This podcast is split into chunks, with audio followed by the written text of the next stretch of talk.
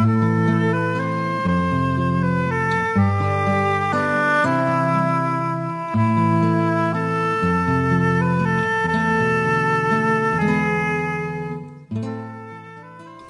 vir stories, welkom by Kortom.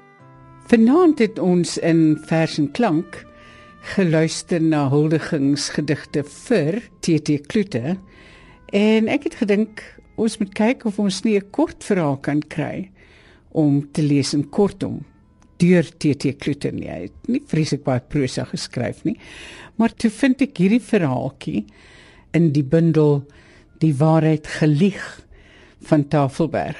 Die verhaal se titel is Mooi klere en Marvin Lee Bekes gaan dit vir ons lees. Lekker luister. Hy het op die hoek van Handboog en Voetboogstraat gewoon. Dit was sy derde hoekhuis.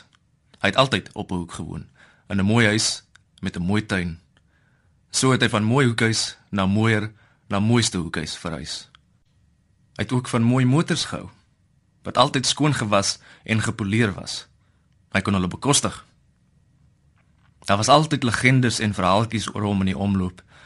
Omdat hy 'n onwerklike verskyning was wat die geroutineerde lewe van die dorp op aangename, verbeeldingryke manier versteur en geprikkel het. Een daarvan was dat hy tot selfs die loopvlak van sy motorbande laat was het en dat hy nie gaan kuier het by mense waar daar honde was wat teen sy wiele sou kon nat maak nie. Hy het dit gehaat. Alles moes altyd vir hom beheers, korrek, stiptelik perfek wees. Sy vrou was baie mooi en baie jonger as hy. Sy het daarna sy fitterigheid en vatterigheid geskik en hom getroetel. Maar dit het eerder gelyk of hy haar versorg en opgepas het. So mooi was sy. Ook hieroor was daar ligte legendes. Hulle het vertel dat hy haar nooit saans uitgeneem het nie, omdat hy bang was die muskiete sal haar steek. Dan was hy nog sy twee pragtige aangenome dogters en baie jonger twee aangenome seentjies. Hulle was soos hulle pa, altyd deftig aangetrek, met hoede soos wat groot mans dra, soos hulle pa se met kleurryke veertjies in die band. Hulle het altyd met blink gepoleerde skoene en hoede op die kop in die tuin gespeel, net op die grasperk. Hulle was as kinders twee klein groot mannetjies. Sy vrou en dogters het hom versorg. Hy het nooit sy klere self gekoop nie. Sy vrou en dogters het altyd in die vertoonvensters klere gesien wat hulle geweet het sou hom pas, dit op sig geneem om dit laat aanpas en dat dit aangeskaf as dit pas. Hulle het alles vir hom gekoop: hoede, dasse, sakdoeke, hemde, pakke klere, sokkies, pantoffels, alles behalwe sy skoene. Die het hy altyd self uitgesoek en het sy skoene nie geblink nie. Ook hieroor was al legendes. As daar mans vriende van die dogters kom kuier het, word vertel, het die dogters altyd aan die gesê: "Sorg dat jou skoene blink, anders sal jy nooit my pa se guns wen nie." Of die man sê as hulle daar aangekom het, skertsend aan die dogters gesê: "Bring die waks en die borsel voor jou pa sien my skoene blinkie." Die klere wat hy gedra het, het hom so gepas dat mense nie kon indink dat hulle ook vir iemand anders sou pas nie. Maar daar was altyd 'n tekort. Mense het altyd verwag dat hy ook 'n elegante, slank kirietjie moes hê, wat egter nooit daar was nie, vreemd genoeg. Hy was in sy klere soos 'n mot in sy kokon Die mooi klere het hom lewenssekuriteit gegee. Van die mense wat minder van hom gehou het vanweë sy dandyisme, maar hulle was min, het hom die bes geklede non-entiteit van die dorp genoem. Toe word hy baie siek. Maande lank het hy gely aan 'n uitmergelende siekte. Sy vrou en dogters kon min vir hom doen. Die meeste wat hulle vir hom kon doen, was om vir hom steeds mooi klere te koop. Aan die nabye einde van sy lewe was dit winter Hy het daar gelê in sy studeerkamer, waar elke boek netjies op sy plek staan, almal so vars en nuut asof hulle nooit gelees en gehanteer is nie. Daar was 'n divan waar hy altyd op sy sy gelê het. Hy kon die tuin en die straat deur die groot noordvenster sien. Hy het altyd onder 'n vel rooi, mooi dik kombers gelê. Sy arms het altyd bo op die kombers gelê. Die besoekers kon die dier pyjamas sien. Daaronder was vlekkelose wit onderklere en daaronder 'n beenerige uitgeteerde liggaam waarna hy geen behaag gehad het nie. Die klere alleen was behaaglik. Naby die voetenend het warm pantoffels gestaan wat gelyk het asof hulle nooit gedra is nie in 'n netjiese gelid asof op aandag met die toonpunte weg van die bed afgerig, onbeweeglik, leeg. Niemand het hom ooit hoor kla nie. So het hy gesterf. Korrek. Byna dekoratief. Dekoratief is hy uitgelê deur die lijkbesorger en dekoratief is hy begrawe deur sy familie. Daarvoor het sy vrou en dogters gesorg. Op die begrafnis het ook sy sekretaresse daar by sy gesin gestaan. Baie netjies en versorg soos hulle. Sy het soos een van hulle gelyk. Sy het by hulle gehoord. Soos by hulle het die smart die welgeklede liggaam geruk, die gegrimeerde gesig geskend. Maar hulle het beheerst gebly. Almal van hulle tot sy eer. Die sekretaresse was baie aangedaan, amper meer as sy vrou en sy dogters en die seentjies. Die twee klein groot mannetjies het groot geword. Hulle oorlede vaders se klere het hulle nie gepas nie, maar hulle wou dit ook nie gehad het nie. Hulle het met minagting en opstand die huis verlaat en nooit weer teruggekeer nie. Die klere het daar bly hang in sy kas, soos sy hoede aan die kapstok, soos sy boeke in sy rak bly staan het. Alles winkelnuut, maar nutteloos vir enigiemand anders. Sy vrou het nooit weer getrou nie. Sy twee dogters het ongetroud gebly. Hulle het oorbodig geword toe hulle hom nie meer kon versorg nie. Ook sy sekretaresse het ongetroud gebly. Sy het nog altyd by sy vrou en dogters gekom. Die boeke bewonder wat in gelid bly staan het, elkeen op sy plek, gelees deur hom, maar asof hulle nog nooit aangeraak is nie. Sy hoede en die van sy seuns het met die veertjies in die band bly hang op die kapstok, waar plek was vir 'n kiertjie wat nie daar was nie. Die motor met die gewaste loopvlak van die wiele het so bly staan in die garage. Eers toe hy dood en begrawe was, het die mense vrymoediger begin praat oor sy verhouding met die sekretaresse. Party het selfs met haar eerbiedig daaroor gepraat. Die inisiatief het van haar kant gekom in hulle verhouding, maar sy kon hom nooit verlei nie.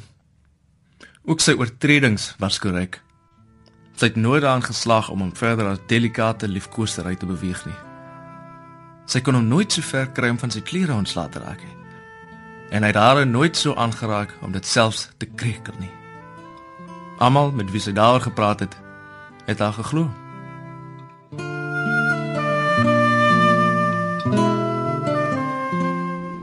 Dit is Klute se verhaal Mooi klere gelees deur Marvin Lee Bekes.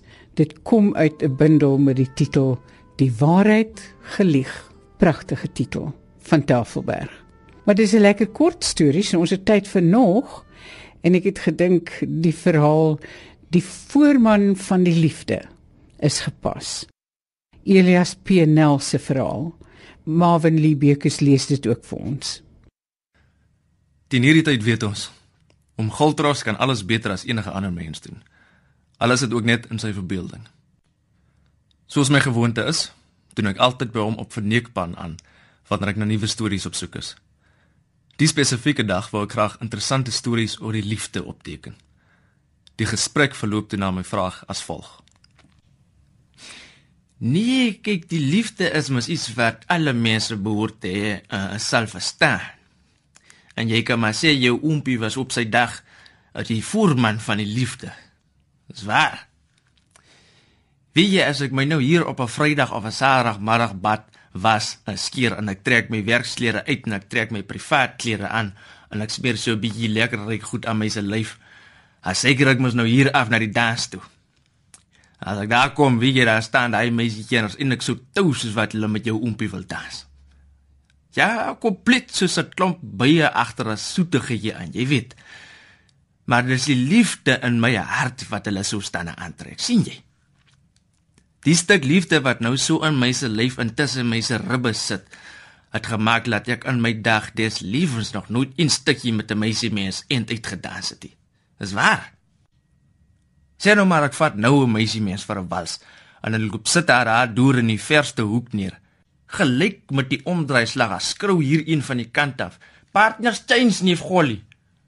Dan moet ek die een met wie saam ek nou gedans het los en die ander een gryp. Maar as net so 'n ou paar stepsies as skou daar weer in. Partners change nie vrolik. Dan moet ek weer change. En so gaan dit nou die hele dans deur. Maak nou nie saak of dit 'n wals of 'n 'n uitdraai stuk of 'n kapara is nie. Die die kapara is mos nou wat jy net klomp sê die reel. Elke keer moet ek na ou paar stepsies change en met 'n ander meisie mens dans. Maar weet jy, ek het mos geglo 'n meisie mens se kop se plek is hier op my se bors, net so neer van sy hart. Smaak my dis wanneer hulle agtergekom het hoe laat die liefde nou hier in jou oompie se lyf instaan klop. En ek het ook nie geglo aan dryp as dit by 'n meisie mens kom nie, nee, my jou kind, jou oompie het elke keer eerste gestaan. Jy moet dan weet my jou kind liefde is mos soos water. En jou oompie was maar dorstig op sy dae. Hy is my mooi die liefde, maar jy moet hom hê, anders dan jy ook maar niks. Nou ja. Toe moet ek ook mos later kies soos ou Josia moes gekies het. En ek praat nou hier van jou aan Geertjie. Tjin, maar sy was daar 'n vrek mooi meisietjie gewees. Wie jy waar ek vir haar ontmoet? Op die kerk se stoep. Op die kerk se stoep, my ou kind. Kom ek die môre by die kerk en ek sien haar hier op die stoep staan. Weet jy, daai môre slaan my hart 3 keer bolle makiesie en die 4de keer gestaan hy wydsben binne my se ribbekas. Toe weet ek, hier's jou deel Goliath tros. Maar hy het ek mos 'n naam gehad oor my doen dinge by die danse en die vroumense wat so oor my is. En dit lyk toe of jou aunt Geertjie toe al die stories gehoor het, want sy wil eers niks met jou oompie te doen hê nie. My kind, so na aan dryf as hierdie oompie van jou nog nooit in sy lewe nie. Het ek dan swaar geleer om daai steener te slag.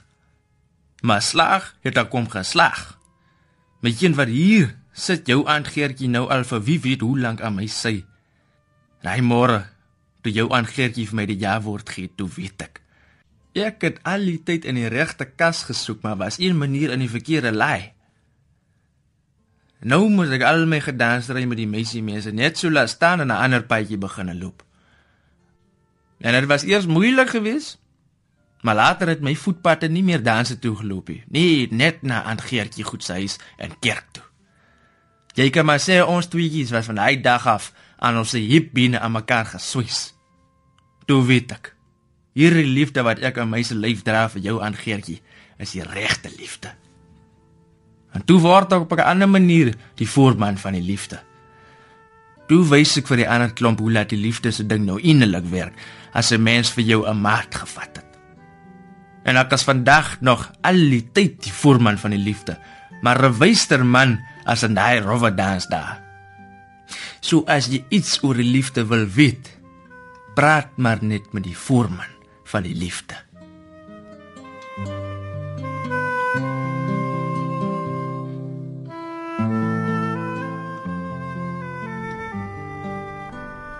Dit was Elias Pienel se verhaal Die voorman van die liefde wat Marvin Lee Bekes vir ons gelees het. Voor dit het ons TT Klute se verhaal Mooi klere gelees. Die eerste verhaal Mooi klere kom uit Die waarheid gelieg van Tafelberg en die voorman van die liefde van Elias Pienel kom uit 'n bundel van Lapa met die titel Alles goed en wel. En Abraham het die Vries dit saamgestel. Van my Margolite alles van die aller aller allerbeste. Tot volgende keer mag dit met ons almal goed gaan. Totsiens.